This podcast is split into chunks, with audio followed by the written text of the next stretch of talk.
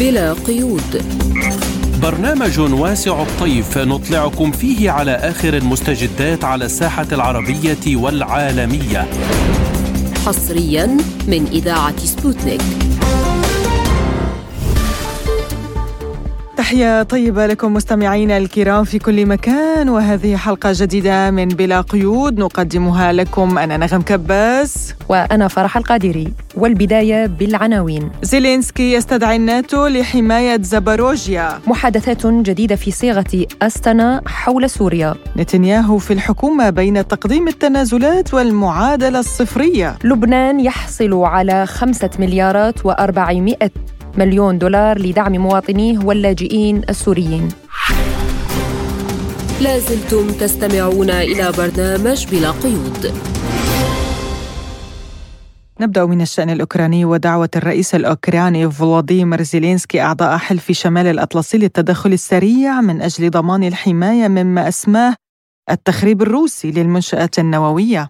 وسارع زيلينسكي لاتهام القوات الروسية بقصف محطة زاباروجيا للطاقة النووية علما أن وزارة الدفاع الروسية أكدت أن القصف استهدف محيط المحطة من قبل القوات الأوكرانية. حول هذا الموضوع قال المحلل السياسي ديمتري يفريموف. لا يدرك الجميع درجة أهمية وخطر محطات الطاقة النووية لا سيما في بلد حديث وضخم مثل أوكرانيا ما بعد الشيوعية الوكالة الدولية للطاقة الذرية هي وسيط موثوق به للغاية وكان يعتقد على الأقل حتى عام 2022 الآن هذه الهيئة الرسمية موضع تساؤل لأنها مثل الغرب وتابعة له في قراراتها. وثقة من أن نظام أوكرانيا معصوم عن الخطأ. تظهر التجربة أن فريق زلنسكي يستخدم الموقف الإيجابي للمنظمات الدولية تجاه كييف بما في ذلك الوكالة الدولية للطاقة الذرية. ونتيجة لذلك نواجه حقيقة مشوهة تبدو فيها جميع الأعمال الروسية ظالمة. من الممكن أن يتم مراجعة نهج الوكالة الدولية للطاقة الذرية والمنظمات الدولية الأخرى تجاه كييف. أما تصريح نائب ممثل الأمين العام للأمم المتحدة بأنه من المستحيل تحديد المسؤولين عن الهجمات في منطقة زابروجيا ودعوته إلى وقف جميع الهجمات من أي طرف فهذا يأتي بعد بعض الإجماع على تأنيب نظام كييف وعدم حمايته إلى حد عدم السماح بتوجيه أي انتقادات له أو وضعه تحت المساءلة. علاوه على ذلك فإن الوكالة الدولية للطاقة الذرية ليست هيكلا محايدا تماما لأنها تلتزم بخط الضغط الأمريكي الأوروبي على روسيا. استمعنا إلى ما قاله المحلل السياسي الروسي دمتري يفريموف. ولفهم طبيعة هذه الدعوة الأوكرانية للناتو للتدخل ينضم إلينا عبر الهاتف من كندا المحلل السياسي سوران بالاني أهلا بك أستاذ سوران في بلا قيود. دعني أبدأ من هذه الدعوة من قبل زيلينسكي للناتو لحماية زباروجيا قواته استهدفت محيط المحطة. جروسي حذر من خطر وشيك.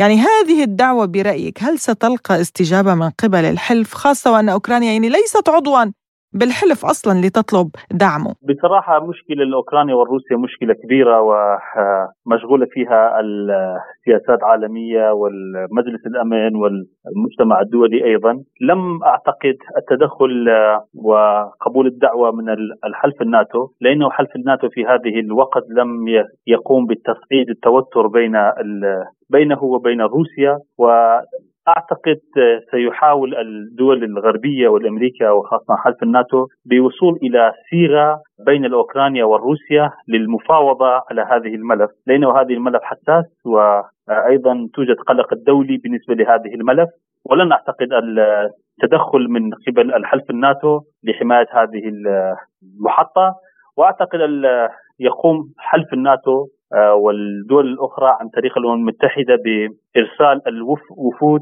لوصولهم إلى الصيغة المشتركة كيف تدير هذه المشكلة بين الاوكرانيا وبين روسيا، ومن هذه الإطار من حق الأوكرانيا أن يطلب من حلفائه سواء كان من حلف الناتو أو الدول الأخرى غير موجودة في الناتو لمساعدته لعوده هذه المحطة لأنه بصراحة هذا محطة حق للأوكرانيا هو محطة أوكرانية ومنطقة أوكرانية وحتى الآن دعم الغرب والدعم الحلف الناتو بشكل غير مباشر ومباشر آه، آه، مستمرة للحكومة الأوكرانية ولهذا من هذه الانطلاق زيلينسكي يطلب من الناتو أن يساعدها لإعادة هذه المحطه لأنه هذا مهم بالنسبة لأوكرانيا أيضا.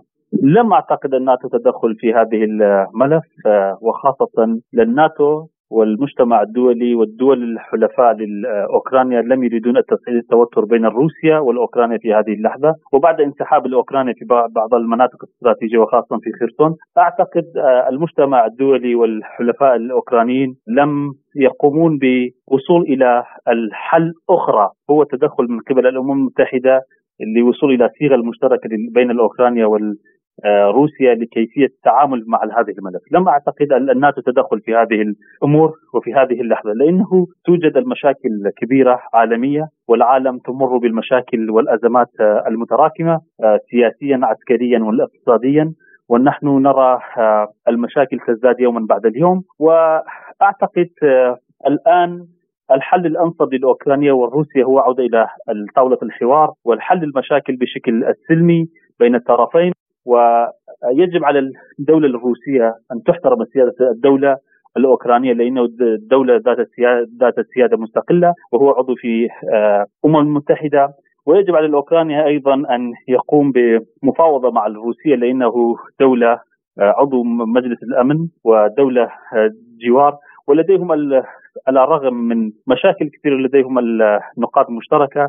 يجب عليهم أن يعودون إلى طاولة الحوار لحل النزاعات والمشاكل آه، بينهم وانتهاء هذه الحرب لأنه هذه الحرب بصراحه ليس من مصلحة لا روسيا ولا من مصلحة اوكرانيا ولا من مصلحة أوروبا ولا في مصلحة الاقتصاد العالمي والأمن والاستقرار العالمي أيضا. بالفعل يعني أستاذ سوران هذه الأزمة تؤثر على الأمن والسلم العالميين ولكن روسيا طلبت من مجلس الأمن والأمم المتحدة تأمين المنطقة المحيطة بالمحطة النووية بشكل كامل لماذا برأيك لا يوجد استجابة للطلب الروسي؟ المجتمع الدولي وخاصه آه، المجلس الأمن وخاصه الأمريكا والروسيا أمريكا والبريطانيا فرنسا ودول أخرى آه، متحالفين مع يعتقدون بأن روسيا هو الدولة أحتل الأوكرانيا وهذه المناطق مناطق أوكرانية ولها السيادة الحق لاوكرانيا لتراجع لسيادتها في هذه المناطق. وأعتقد الآن الجو مؤهل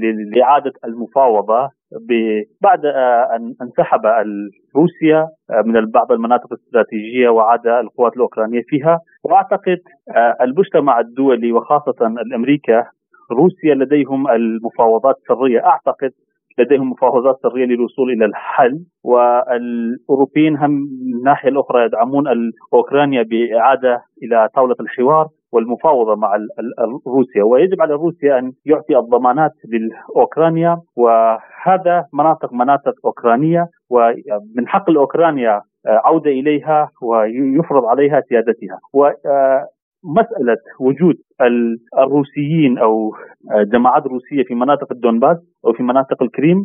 هذا هو شيء آخر ويستطيعون وصول إلى صيغة المشتركة كيف تدير هذه المناطق في إطار الحكم الذاتي. ولكن هذه المناطق كما قلت قبل مناطق ذات السيادة الأوكرانية وفي الترسيم الحدودي بين روسيا والأوكرانيا هذه المناطق حسب القواعد الترسيم الدولي هذا هو في ضمن الدولة الأوكرانية. وهذا الدولتين محكوم محكوم آه، عليهم أن يعودون إلى التفاوض ويعودون إلى الحوار لأنه لديهم الجذور من العلاقات والتعاون والتاريخ مشترك والثقافة المشتركة. المناطق آه، الحدودية بين الدولتين توجد فيها حالات اجتماعية مترابطة مع البعض ولهذا أعتقد ليس لديهم أي خيار آخر هذه الدولتين إلا هو الحوار والحوار بالنسبة للطرفين سيكون الحبل الأفضل وأعتقد في حالة وجود الحوار بين الدولتين المجتمع الدولي والرأي العام الدولي والمجلس الأمن يقوم بالدعم هذه المفاوضات. يعني حضرتك تتحدث عن المفاوضات، هل تعتقد إنه المفاوضات التي حدثت في أنقرة بين الولايات المتحدة وروسيا هيأت الظروف لمفاوضات بين كييف وموسكو؟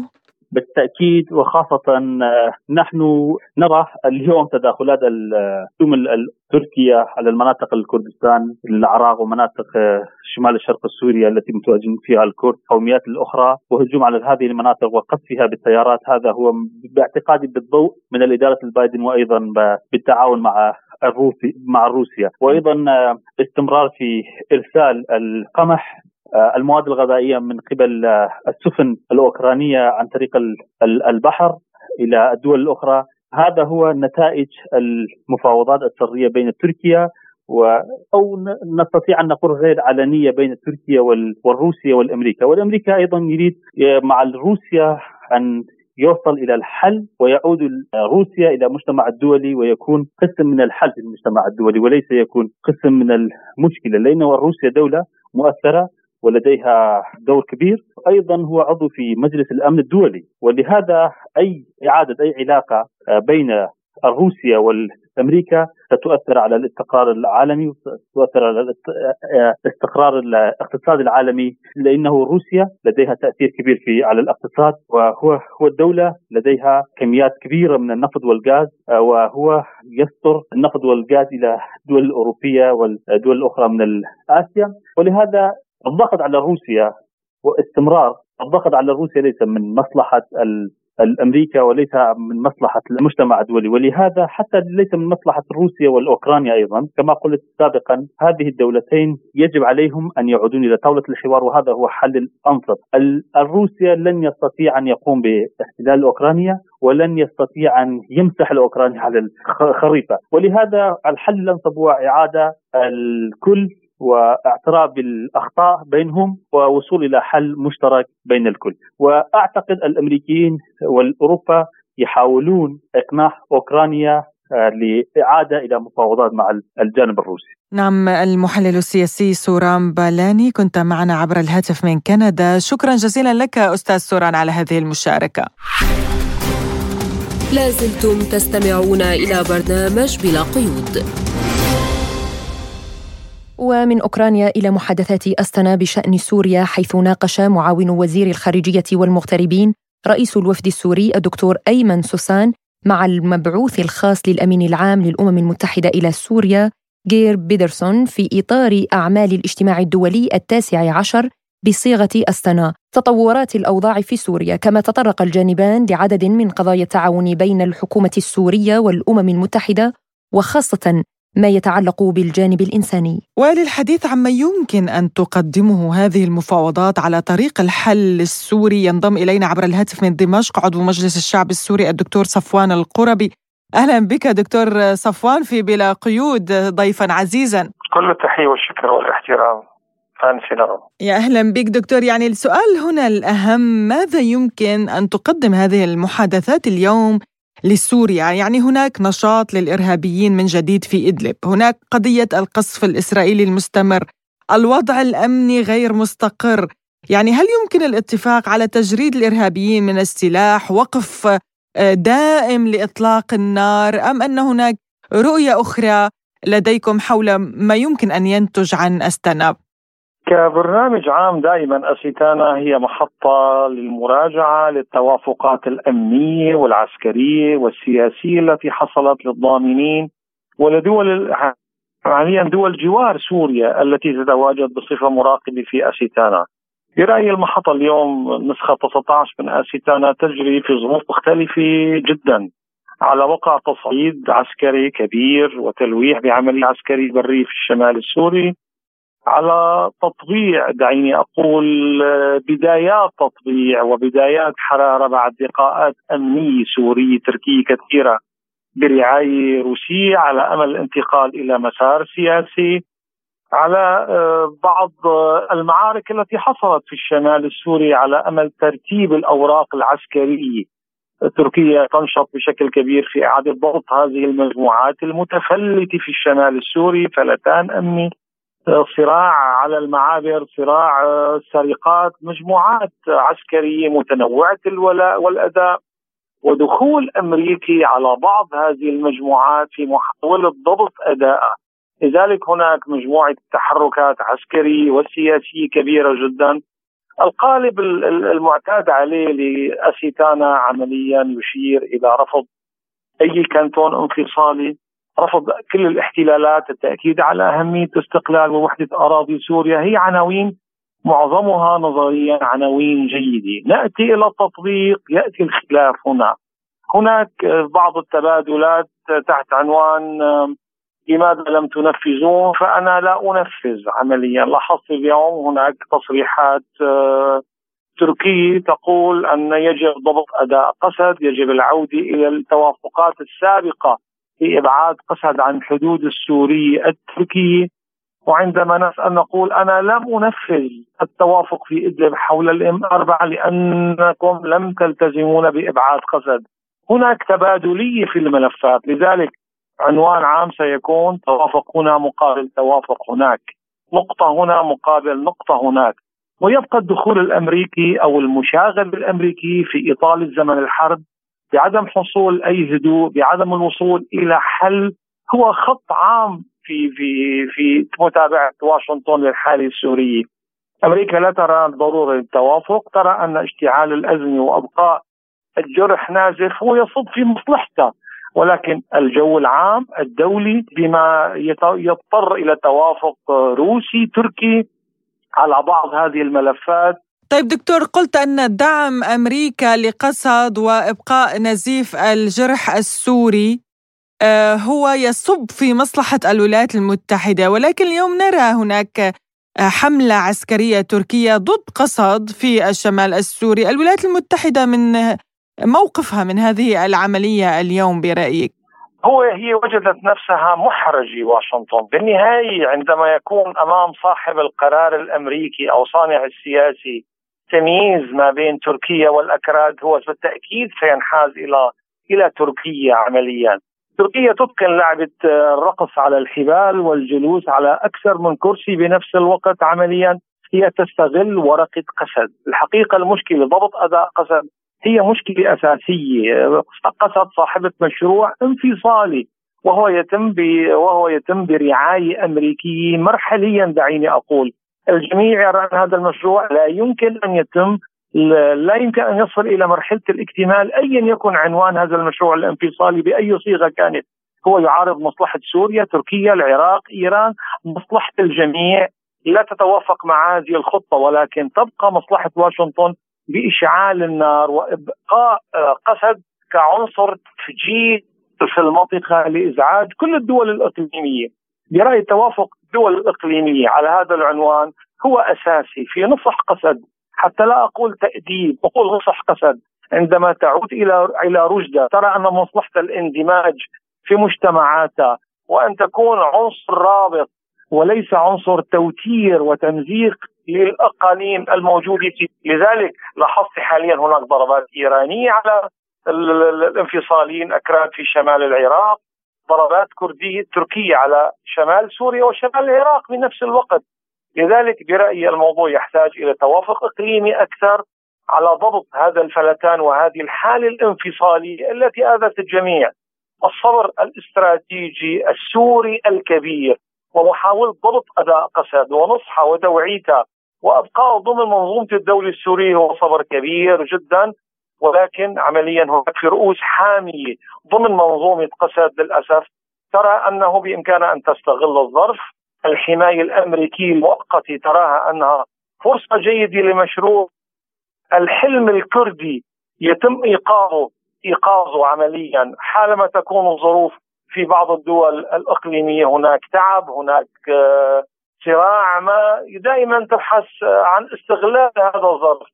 لذلك هذا المشروع الانفصالي يجب أن يتم الاستعاضه بمشروع تنويري تثقيفي. نحن المكون الكردي هو مكون أصيل في ضمن الدولة السورية ولكن لا يمكن لأي مشروع انفصالي أن يتم على حساب كينونة الدولة السورية الحفاظ على حدودها وعلى استقلالها وعلى كرامتها. برأيي هنا النقطة المفصل بهذا الاتجاه. لذلك حد مقبول من التوافق. السوري التركي برأيي يريح الجميع وبرأيي ربما يكون الظرف السياسي في تركيا مناسب لهذا الاتجاه. ترك أردوغان هو في حال انتخابي وبرأيي صمام أمان نجاحه. وهو إنجاز ما في الملف السوري يبرد ملف اللاجئين المشتعل في الداخل التركي ملف اللجوء متعب. لذلك أرى أن التوجه وهو ما تعمل عليه روسيا بنشاط كبير إنجاز كم معقول من التوافقات التدرجية ما بين سوريا وتركيا. تركيا هي كانت ربما تكون أصل المشكلة في الأساس وهو بوابه الإرهاب أيضا بامكانها أن تكون معبر وطريق إلى الحل تخفيف الأزمة السورية وإنجاز ربما حلول آه، بامكانها أن تكون أكثر تسارعا، لذلك الظرف الحالي هذه الأشهر أشهر حرجة جدا حرجه جدا، نعم. آه، طب دكتور بالحديث عن الدور الروسي آه، في هذه المفاوضات، المبعوث الخاص للرئيس الروسي إلى سوريا قال أن بلاده ترى من الضروري وضع مجموعة من الإجراءات المحددة لتنفيذ مشاريع إعادة الإعمار في سوريا. برأيكم ما هو الدور الذي تلعبه موسكو تحديدا في هذه الفترة في هذه المفاوضات؟ موسكو لها دور كبير جدا في كل ما يجري. كان لها في دور مفصلي في إنجاز القرار الدولي حول المساعدات آه، عبر الحدود وعبر الخطوط. وبرأيي ربما كان هناك تعاون تركي معقول ومقبول في تخفيف موضوع عبر الحدود إلى عبر الخطوط. والدولة السورية كانت متجاوبة مجموعة ثلاثة أو أربع قوافل مرت من منطقة سيطرة الدولة السورية إلى منطقة الخارجة عن السيطرة هي العودة إلى مفهوم الدولة. يعني العصابة لا يمكن أن تكون نهج حل وهي ليست في مصلحة تركيا بالنهاية. مصلحة تركيا الحقيقية أن يكون هناك دولة مقابل دولة وليس دولة مقابل مجموعات متعددة الولاء والانتماء. من يدفع لها أكثر تسير معه في الركب السياسي. أيضا ربما يكون مسار آه، العملية الدستورية هي نقطة مهمة جدا وجهد روسي كبير في الدفع إلى لاحظت لذلك بيدرسون كان موجود في أنقرة محاولة استغلال بعض الهدوء. دعيني أقول ربما يكون أو بعض الحرارة مقدمات حرارة سورية تركية لدفع العملية آه، العملية الدستورية التي كانت تجري في جنيف. روسيا هي ضابط إيقاع لمجموعة من التناقضات المهمة والكبيرة التي تجري على على ساحة الإقليم. لذلك مهمة الروسي أقرأها على أنها مهمة صعبة جدا ولكن الروس آه، اعتدنا طيب دكتور يعني مهمة صعبة واليوم أردوغان يتهم روسيا بعدم الوفاء بالتزاماتها بشأن سوريا. عن أي التزامات يتحدث هنا أردوغان؟ هلأ هو أحيانا تحمل ما لا تطيق. ربما كان هناك توافق أشرت في مقدمتي ملف هنا مقابل ملف هناك. هو عنوان أساسي في أسيتانا. آه، نقطة مقابل نقطة. كان هناك توافق على ضبط الأداء الكردي في الشمال السوري وأبعاد المجموعات الكردية عمليا عن الحدود السورية التركية إلى مسافة ما معقولة إلى الداخل مقابل أن تخرج تركيا وتخرج المجموعات الإرهابية من إدلب وعودة فتح الاسراد الدولي إم 4 هذه هذه كانت النقاط المتبادلة. حاليا نقول لماذا لم تنسحب تركيا من إدلب وعودة الاسراد الدولي؟ تقول لم تلتزموا بالنقطة المقابلة. لذلك حاليا محطة أسيتانا للبحث في هذه الملفات القديمة محاولة إنعاشها محاولة الحصول على توافقات جديدة تضبط نقاط الخلل. ولكن هل روسيا كانت مسؤولة عن عدم انسحاب قسد؟ لا. كان هناك جهد أمريكي كبير في دفع الأتراك إلى الأكراد إلى مزيد من التعنت وإلى رفض هذه الحالات الحوارية التوافقية. لذلك آه، هناك نوع من أنواع النشوي. لذلك لاحظت أحيانا يكون هناك تصريح ناعم أمريكي تلتقطه قسد وتبني عليه. أمريكا لم يكن لها أصدقاء قد هي تبحث عن أتباع. آه، ترى بقسد رأس مخلب ترى به أنه حامل مهم لأداء لمشروع التفجير في المنطقة. لذلك النقطة هنا ربما يكون النقطة هي دور أمريكا في المنطقة. أين هو وأين يتجه؟ وليس الدور الروسي. الدور الروسي كان دور بناء دور جامع دور ناصح دائما للجميع في محاولة الوصول إلى تفاهمات. هادئة مستقرة وليس كما يريد الأمريكي إلى الاستثمار في الإرهاب وتفجير المنطقة عموما، مصلحة أمريكا في التفجير وليس في التهدئة. أه، طب دكتور يعني أه، إلى أي مدى برأيك يمكن أن تكون مخرجات هذا المؤتمر التاسع عشر لأستانا إيجابية لحل الأزمة السورية؟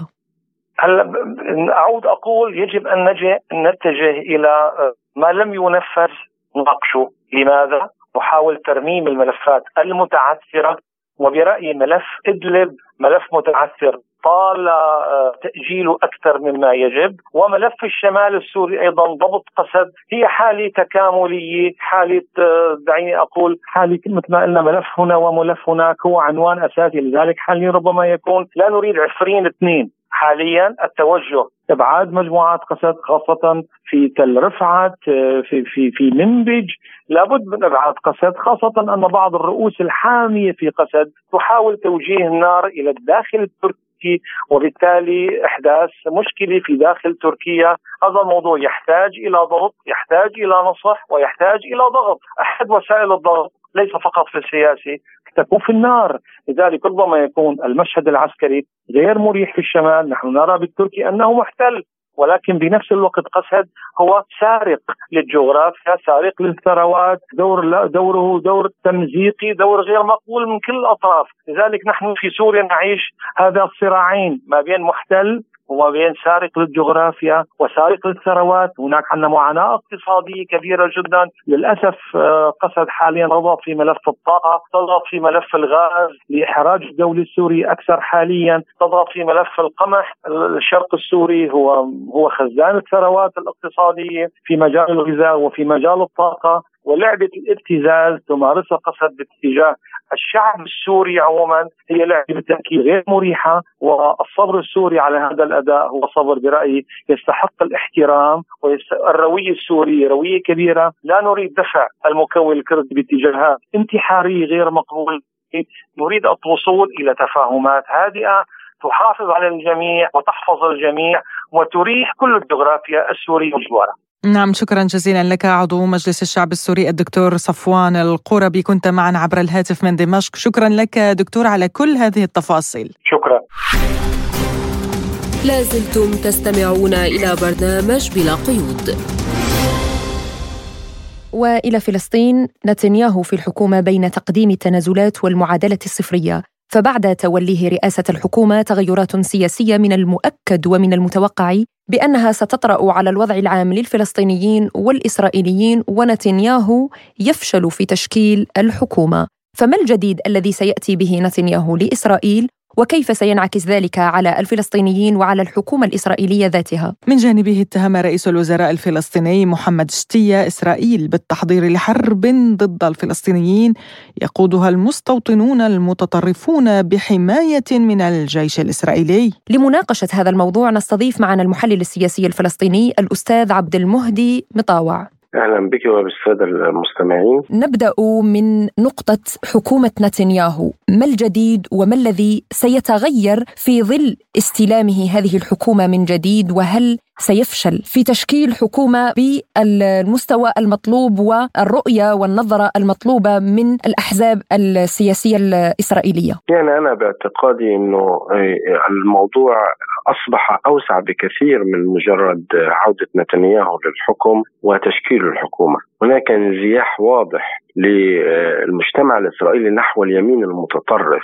اليمين المتطرف آه، والذي آه، نضع بين أقواس الإرهابي. عندما يصعد آه، بن جافير وسموتريتش يعني تلاميذ كهنه ويصبحوا أعضاء كنيسة هذه مشكلة كبيرة، الأخطر من ذلك إنه حتى داخل الجيش الإسرائيلي من كل عشرة جنود هناك جنديان قد انتخبوا سموتريتش وبن جافير نعم. هذا الانسياح يؤكد مرة أخرى أن هناك خللا مجتمعيا سيؤدي بالنهاية إلى تغيير صورة إسرائيل التي تحاول آه، تسويقها أمام العالم بالرغم آه، آه، من أن هذا سيخدم القضية الفلسطينية على المدى البعيد إلا أنه بالتأكيد سيجلب دعنا نقول تغييرا مجتمعيا في إسرائيل وعلاقتها مع الدول سواء كانت الدول العربية أو العالم بشكل عام.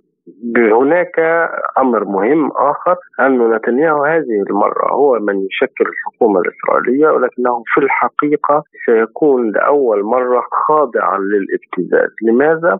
لأنه نتنياهو آه الآن هو بيهدف أو خطط أو هندس آه قبل الانتخابات آه هذا اليمين لكي يحصل على عدد المقاعد المناسبة من أجل أن يمرر قانونا يخدمه شخصيا. وهذا القانون يعفيه ويسمى القانون النرويجي.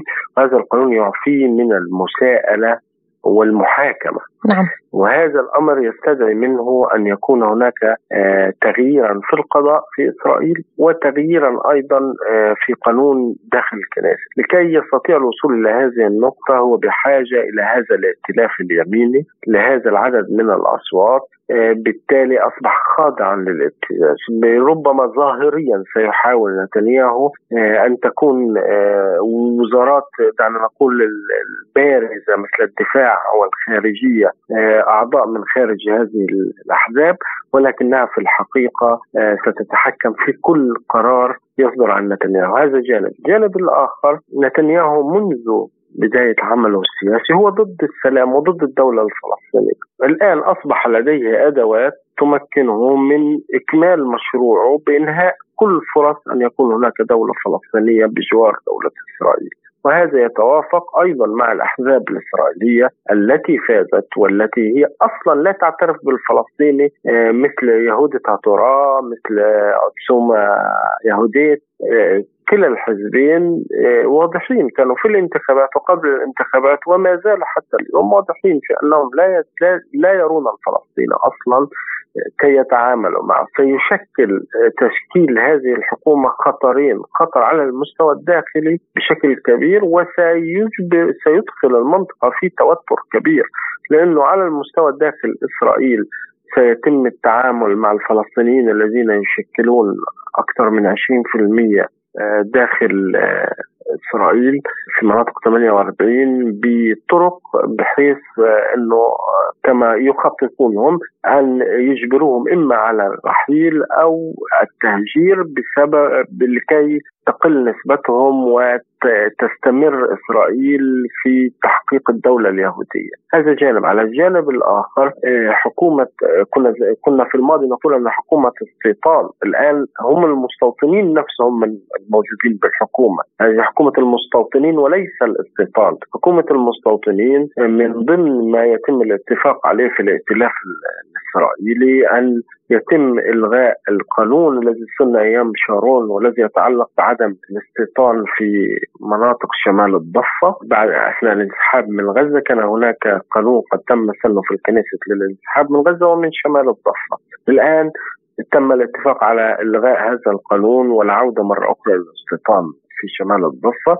إضافة إلى توسيع المستوطنات الموجودة سيكون هناك حرب استيطانية. الأمر الأخطر والذي قد يؤدي إلى عواقب ليست بالهينة هو موضوع المسجد الأقصى. التقسيم الزماني والمكاني. هذه العناصر التي أصبحت هي الحكومة والتي منها وزير الأمن الداخلي والتي منها وزير الأديان. كل هؤلاء سيسعون بشكل واضح لفرض أمر واقع جديد في المسجد الأقصى وتقسيمه زمنيا ومكانيا وبالتأكيد هذا الأمر سيؤدي إلى تطورات خطيرة. وأنا باعتقادي أنه الطريق أنه سيجلب رد فعل فلسطيني لا يمكن لوم الفلسطينيين طيب يعني أستاذ عبد المهدي يرى معلقون ومراقبون أن ما يحدث على أرض الواقع هو لعبة تنازلات يعني من خلال المفاوضات. ليست معادلة صفرية بخصوص ما أتى به نتنياهو وما ينوي فعله خلال فترة رئاسته للحكومة القادمة. إن نجح بتشكيلها يعني ما رأيك بهذا الموضوع؟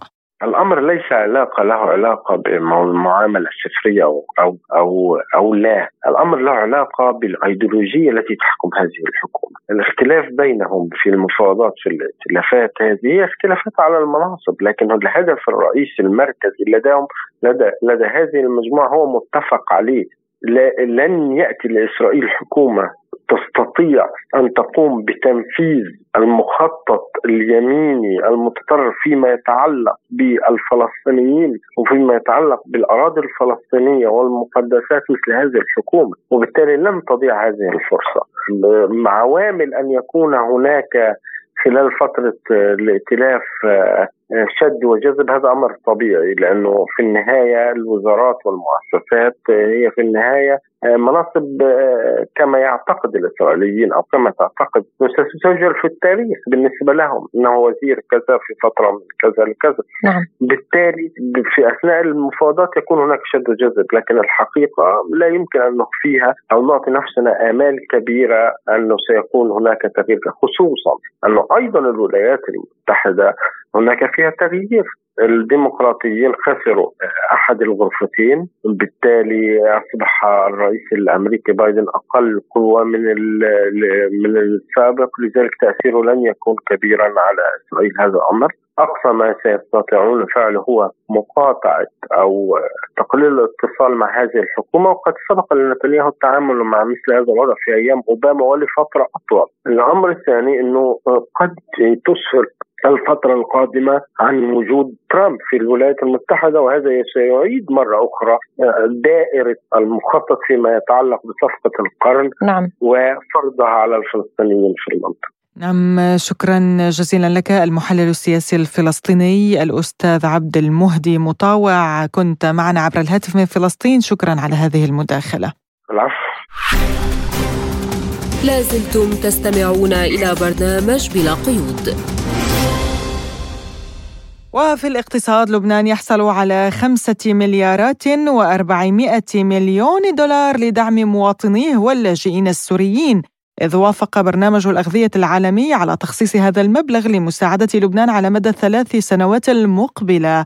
وذلك فيما تدفع الأزمة الاقتصادية في البلاد ملايين إلى هوة الفقر. ولمناقشة هذا الموضوع نستضيف معنا عبر الهاتف رئيس هيئة تنمية العلاقات اللبنانية الخليجية الأستاذ إلي رزق نبدأ من هذه القيمة المالية التي خصصها برنامج الأغذية العالمي برأيكم إلى أي مدى ممكن أن تساهم هذه المساعدات في دعم اللبنانيين خاصة في ظل هذه الأزمة؟ فأنا رأيي بهذا الموضوع أنه هناك حاجة ملحة اليوم أن نجد حلا لنازحين خاصة النازحين السوريين الذين بإمكانهم العودة إلى بلادهم. لأنه مشكلة الأمن الغذائي وسلامة الغذاء وكل هذا الموضوع اليوم بالتحديات العالمية التحديات الكبرى التي تشهدها دول العالم حتجعل من الصعب جدا حتى لو تم تأمين أو تخصيص العديد من المصاري أو المليارات أو المواد الغذائية. هناك حيكون في صعوبات جمة آه، وتحديات تحديات كثيرة أمام هذا خاصة على مدى سنوات لأنه لا أحد يعلم إلى أين يتجه العالم بموضوع ال supply chain اللي هو موضوع ال supply chain باللغة العربية نعم. يعني يكون توريد الغذاء أو تسليم الغذاء المصادر الغذاء فهناك سيكون مشكلة ستواجهها دول عديدة أوروبية غربية شرقية أو أمريكية أو جنوبية شمالية كل دول العالم تتجه اليوم إلى أن يكون لها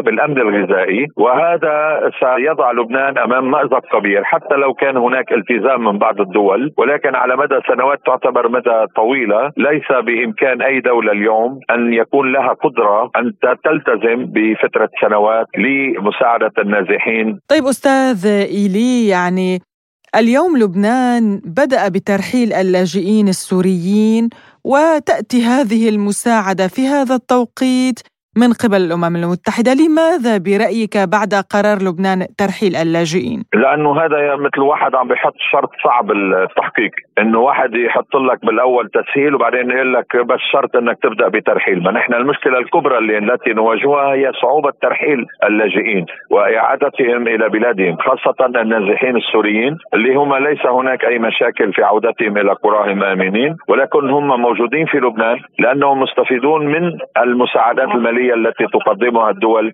والعالم دول العالم والأمم المتحدة إلى النازحين السوريين. لأن نحن نعلم أن هناك نازحين سوريين بيقبضوا 400 دولار على الشخص الواحد إذا بس لأنه نازح سوري. طيب ما أنت يا أخي ارجع إلى بلدك واشتغل. يمكن ما بيقدر يطلع 400 دولار. تو نحن نرى أنه لبنان ليس بحاجة إلى مساعدات مالية للنازحين وهذا الشرط جدا جيد أن يتم ربط هذه المساعدة؟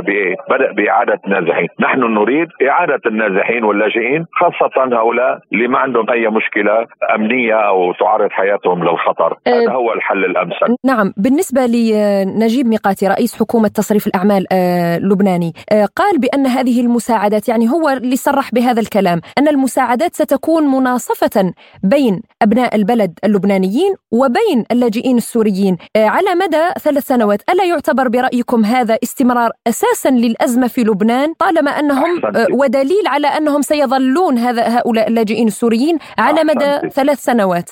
احسنت نحن نقول لدولة الرئيس نجيب ميقاتي لبنان ليس بحاجة إلى مساعدات لبنان شعب ليس مفلس شعب منهوب. نحن نطالب دولة الرئيس نجيب ميقاتي بما يمتلكه من مليارات والدولارات. الكف عن دائما تصوير لبنان كأنه شعب بحاجة إلى التسول ولا بحاجة. لبنان باستطاعته أن يكتفي بذاته ولكن علينا أن نطالب القوى السياسية أن تكف عن سرقة اللبنانيين ونهب أموالهم وأن يكونوا بخدمة مصلحة لبنان. none. عوض أخذ لبنان وشعب لبنان رهينة لمصالحهم الخاصة. نعم. هذا رأينا نحن بالموضوع. نعم. نحن شعب عيب عيب الكلام عن اللبناني بحاجة. نحن 12 مليون لبناني نحول إلى لبنان سنويا 18 مليار دولار. عم تتم سرقتهم من قبل القوى السياسيه اللي احدهم دولة الرئيس نجيب مئاتي. عيب الكلام عن هذا الموضوع. نحن نريد إعادة النازحين السوريين ونحن كلبنانيون كفيلون. نحن لسنا بحاجة لا تسول ولا لاي مبالغ من أي دولة ولا أي مساعدة. نحن قادرون على مساعدة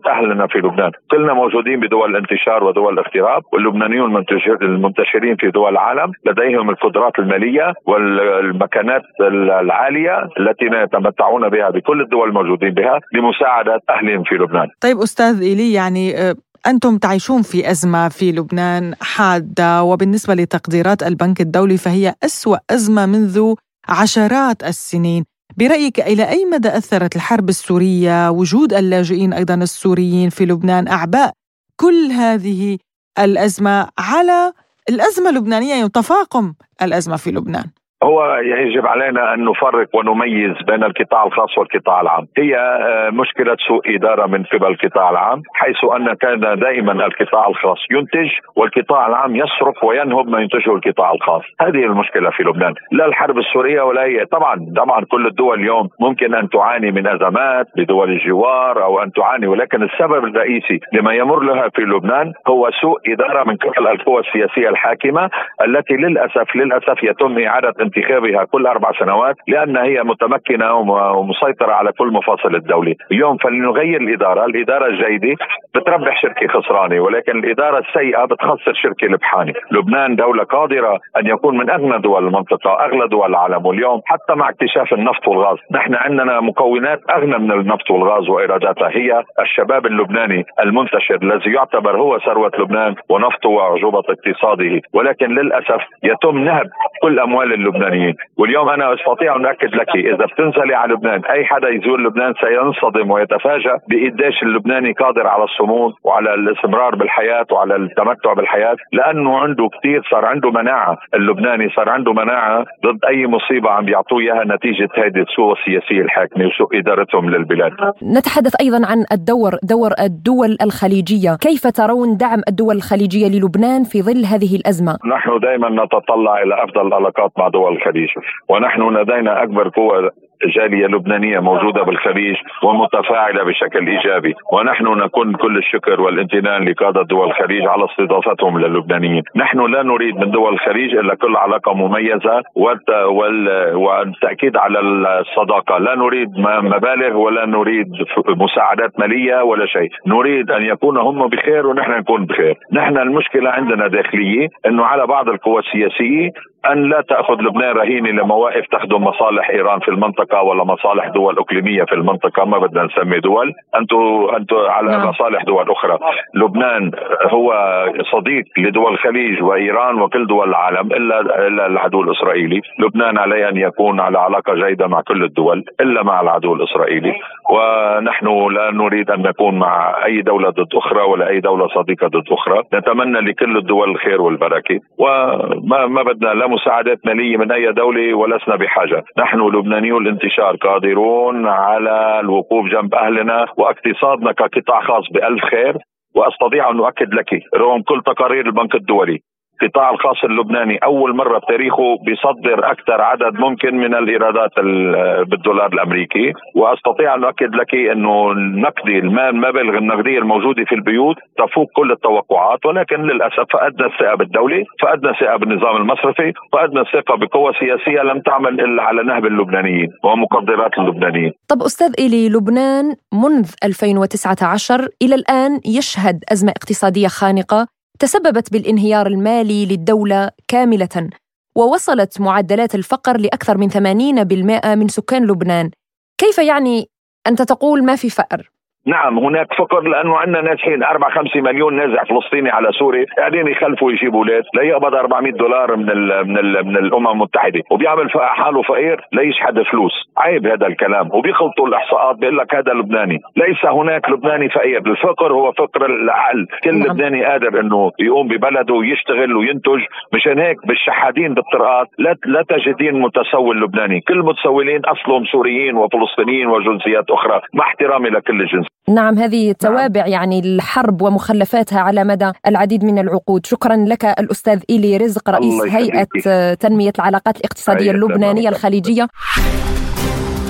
لازلتم تستمعون إلى برنامج بلا قيود. طوال سنوات واللاجئون الفلسطينيون يعانون في المخيمات من قساوة الظروف وصعوبة العيش.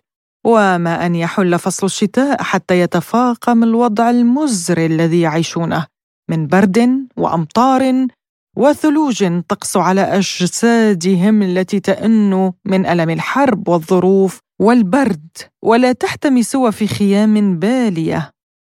ومنازل قديمة متهالكة مر عليها سنوات طوال دون تصليح أو ترميم. مراسلنا في مصر وائل مجدي حاور مسؤول العلاقات العامة لمؤسسة شاهد الفلسطينية محمد شولي وتحدث له عن الاستعدادات التي تفعلها المنظمات الحقوقية والأمم المتحدة لمساعدة هؤلاء اللاجئين. طبعا أوضاع اللاجئين الفلسطينيين في لبنان ضمن الأزمة الاقتصادية والمالية في لبنان وارتفاع نسبة الفقر والبطالة حيث لامست 93% وهذه آخر إحصائية لمنظمة الأونروا حيث قامت بإجراء عينة مسح اجتماعي اقتصادي أظهرت أن نسبة الفقر والبطالة يعني تجاوزت 90% وسط اللاجئين الفلسطينيين في لبنان. وانعكس هذا بشكل كبير على قدرات العائلات سواء بتأمين آه، الغذاء كذلك تأمين بدل النقل لطلابهم في الجامعات أو الالتحاق بالجامعات أو حتى تأمين متطلبات فصل الشتاء من التدفئة والملابس الشتوية خصوصا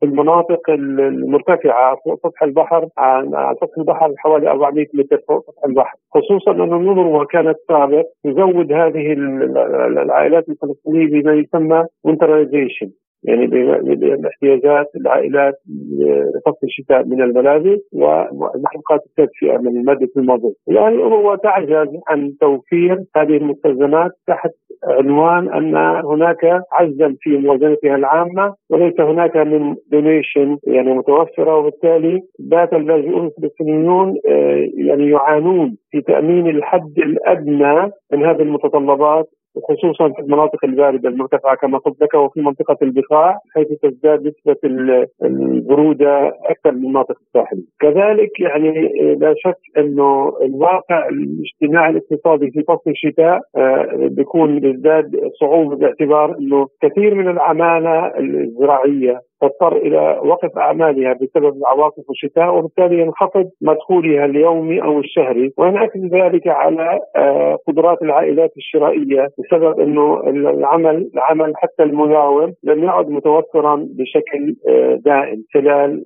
فترات الشتاء والبرود. كذلك ينعكس ذلك على البنية التحتية للمنازل منازل المخيمات باعتبار أن إحصائيات المره تشير أن هناك 5000 وحدة سكنية في المخيمات الفلسطينية. الفلسطينية في حوالي 12 مخيم آه، في آه، لبنان تحتاج إلى إعادة تأهيل وترميم.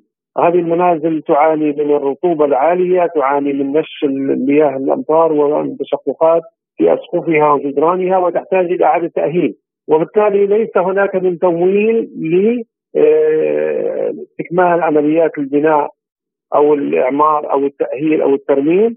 وقد بتنا نسمع يوميا سقوط سقف منزل هنا وهناك على رؤوس الساكنين. يعني الواقع الواقع آه، صعب جدا يزداد صعوبة يوما بعد يوم مع تقادم الأيام ومع نقص التمويل وتقليص الخدمات الأروى وبالتالي بات الواقع كما قلت يعني آه، صعبا جدا. الآن المطلوب المطلوب من المجتمع الدولي ومن الأوروى أن تطلق نداءات طوارئ للدول المانحة والممولة كي تستمر في آه، دعم الأمروة المشكلة أن المشكلة أن الأمروة كمنظمة دولية تتلقى أموالها أموال طوعية ليست أموال يعني مخصصة من الأمم المتحدة يعني كموازنة يعني مقطوعة. إنما هي أموال طوعية يتقدم بها المانحين وبالتالي تخضع هذه الأموال للمزاج المتبرع أو للظروف السياسية آه، من هنا وهنا. فالواقع لا شك واقع اللاجئين الفلسطينيين في المخيمات الفلسطينية في لبنان لا يحسد عليه ظروف اقتصادية واجتماعية صعبة للغاية ارتفاع كبير في أسعار المواد الغذائية والمحروقات عجز العائلات عن سداد بدل اشتراكات الكهرباء باعتبار أن الكهرباء في لبنان يعني كانت نسبة التغذية على مدى شهرين كانت صفر الآن بدأت تأتي التغذية لمدة ساعة واحدة في ال 24 ساعة. بدوره قال منسق اللجنة المشتركة للاجئين الفلسطينيين محمود خلف عن أحوال اللاجئين الفلسطينيين في لبنان وفي دول الشتات لسبوتنيك. الشتاء عندما يأتي يعني يكون آه، مع إنه فصل خير وجيد للزراعة ولكن آه، اللاجئين الفلسطينيين يعني آه، يتشائموا من المخلفات اللي يترتب عليها وخاصه البيوت المهترئه واللي بحاجة تأهيل وصيانه ومعروف بأنه الكثير من البيوت في المخيمات الفلسطينية حالها متهالك تحديدا في قطاع غزة في المخيمات الوسطى وفي آه، وبالتالي هناك معاناة آه، كبيرة آه، في فصل الشتاء وخاصة بأنه من يعني طويلة الأونروا تخلت عن الاستعداد ترميم عدد من البيوت واكتفت فقط بتوزيع كميات من النايلون لحماية بعض المنازل السريئه ولكن هذا يعني النايلون لن يغني عن لأنه الوضع المخيمات ووضع البيوت وخاصة العائلات الفقيرة وضع متهالك وبحاجة إلى ترميم قبل بداية الشتاء. وليس يعني حالة إسعافية بصرة عن طريق النايلون آه، خلال فصل الشتاء. ففي غاية الصعوبة وبحاجة إلى يعني جهد وعمل ومتابعة من قبل الأونروا لحماية هذه البيوت وتأهيلها لاستقبال فصل ومن جانبه اعتبر الناشط الفلسطيني المقيم في مخيم اليرموك بسوريا محمود الشهابي أن هذه المخيمات بؤرة جهنمية وقال لسبوتنيك الوضع الفلسطيني بلبنان يعني كثير مأساوي واللي بسوريا كمان على أكثر. طبعا الناس هلأ الإنروا ما عندها أي دعم آه، تقليصات كل ما عم تقلص الإنروا. الوضع مأساوي. إحنا كمنطقة فيها فلسطين فلسطينية من سوريا وفلسطينية من لبنان. طبعا قلن آه، المازوت الواحد صار حقه ما يقارب المليون ليرة لبناني. آه، طبعا في ناس عايشين بالخيام فلسطينية سوريا وفي كم يعني من فلسطينية لبنان. طبعا وضع المخيمات مزري كثير المخيمات أنا مو ساكن المخيمات أنا ساكن برية المخيمات. يعني إذا بفوت على المخيمات بؤرة جهنمية. عم بوقع على الناس المباني عم توقع على العالم. يعني جوا بتكون قاعد بأمان الله ما بتلاقي غير السقف واقع على بيت على راسك أنت واولادك طبعا شرطان الكهرباء بالشوارع. يعني بس تمشي بأزقة المخيم. كل المخيمات بدون استثناء ما بتلاقي حالك إلا دائم شريط كهرباء. طبعا كثير شباب راحت بالكهرباء وهيك قصص. عرفت حبيبنا؟ وإحنا طبعا قدام أمام كارثة. هلأ إحنا قوارب الموت ما قوارب الموت. تقليصات الإنروا والمجتمع الدولي مع مع اللاجئ الفلسطيني وين ما كان يعني. المؤسسات الإغاثية ثلاث أرباعها يعني أنا كلاجئ فلسطيني وقت أروح بدي أي مساعدة بيقول لك انت عندك الانروا طبعا الانروا أنا ما بتعطيني بتعطيني مثلا أنا كل شهرين بتعطيني 100 دولار و25 بدل طعام. يعني كل شهرين بتعطيني أنا كعائلة ثلاث أنفار بتعطينا 250 دولار. هدول 250 دولار بلبنان ما بكفوا حق برميل مازوت ما بكفوا مصروف أسبوعين استاذنا الكريم وائل. عرفت؟ المأساة المأساة شعبنا الفلسطيني كبير كثير كثير بالشمال السوري نفس الشيء. الانروا ما بتتعرف عليه لأن آه، قاعدين بالخيم بالمخيمات آه، بدير بلوط وجنبرس شو اسمها هاي كمان نفس الوضع. كمان الانروا والمؤسسات حتى امبارح شفت مناشدة لاحد الشباب إنه ما في ولا مؤسسة بتعترف عليهم كفلسطينيين. يعني حتى الفلسطينيين 48 اللي تبرعوا لاخوتنا السوريين بالشمال السوري الفلسطيني السوري ما شملوا أي شيء حتى اللي بتركيا كمان. يعني بتركيا يعني وضعا أهون شوي لأنه تركيا مفتوحة في شغل. ماشي حبيبنا. بس اللي ماكلها أكثر شيء اللي بالشمال السوري واللي أكثر شيء ماكلها هو اللي بلبنان. عارف أستاذ وائل؟ واللي بالأردن. يعني إحنا تقسمنا بين آه، حوالين آه، حوالين سوريا آه، هلا مثلا هون بلبنان عندنا 28 ألف فلسطيني بجميع المناطق اللبنانية. الوضع تحت الحديد ما في شيء بالحال ولا شيء وتبقى معاناة هؤلاء اللاجئين الفلسطينيين شاهدة على الانتهاكات الحقوقية للجيش الإسرائيلي الذي هجرهم من منازلهم قسرا للأسف يا فرح. لازلتم تستمعون إلى برنامج بلا قيود. وإلى مونديال قطر والفوز السعودي الذي أفرح كل العرب بهدفين أمام الأرجنتين مقابل هدف واحد. عن أجواء المونديال يحدثنا من العاصمة القطرية الدوحة موفد سبوتنيك. إلى هناك جوني الياس. أسعد الله أوقاتكم. الأجواء هنا في ملعب مباراة لوسيل الذي يحتضن لقاء الأرجنتين والمنتخب السعودي على كما يقال حر من الجمر بالإضافة للطقس الحار وهو الأمر الذي بدأ على المشجعين. أجواء احتفالية. يذكر أن هذا الملعب سيحتضن المباراة النهائية وهو أكبر استادات مونديال قطر 2022 الجمهور السعودي بالأزياء التقليديه والهازيج حضر لهذه المباراة. حول أكثر المباريات آه، التي لفتت الأنظار هي لقاء يوم أمس لجمع المنتخب الإنجليزي والإيراني والتي انتهى بنتيجه عريضة لصالح المنتخب الإنجليزي بستة أهداف لهدفين. تابعنا هذه المباراة من منطقة المشجعين وكانت ردود أفعال آه، المشجعين آه، متفاوتة. منهم من تفاءل خيرا بنتائج المنتخب الإنجليزي مع انطلاق مبارياته في البطولة. ومنهم من من المشجعين المنتخب الإيراني من ألقى اللوم على المدرب كارلوس كيروش آه، بالطريقة التي خاض بها هذا اللقاء. وبحسب عدد من المشجعين فإن المنتخب الإيراني يملك تشكيلة جيدة وقادرة على الخروج بنتائج أفضل من هذه الأجواء بشكل عام في المونديال أجواء حماسية نشاهد حضورا ملفتا من جميع الفئات العمرية من الصغار والكبار لمتابعة منتخبات بلادهم. يعني ضمن هذه الأجواء الحماسية كان موفد سبوتنيك جوني هناك بين المشجعين السعوديين الذين كانوا متفائلين بهذه النتيجة قبل آه، آه، يعني إحراز المنتخب السعودي لها. ألف مبارك للسعودية. المشجعون تحدثوا لسبوتنيك عن يقينهم بالنتيجة وأنهم كانوا متأكدين من أن السعودية ستفوز بهذه المباراة. شباب ألف مبروك الانتصار الله يبارك فيك. مشجعين كثير ما كانوا متفائلين ب...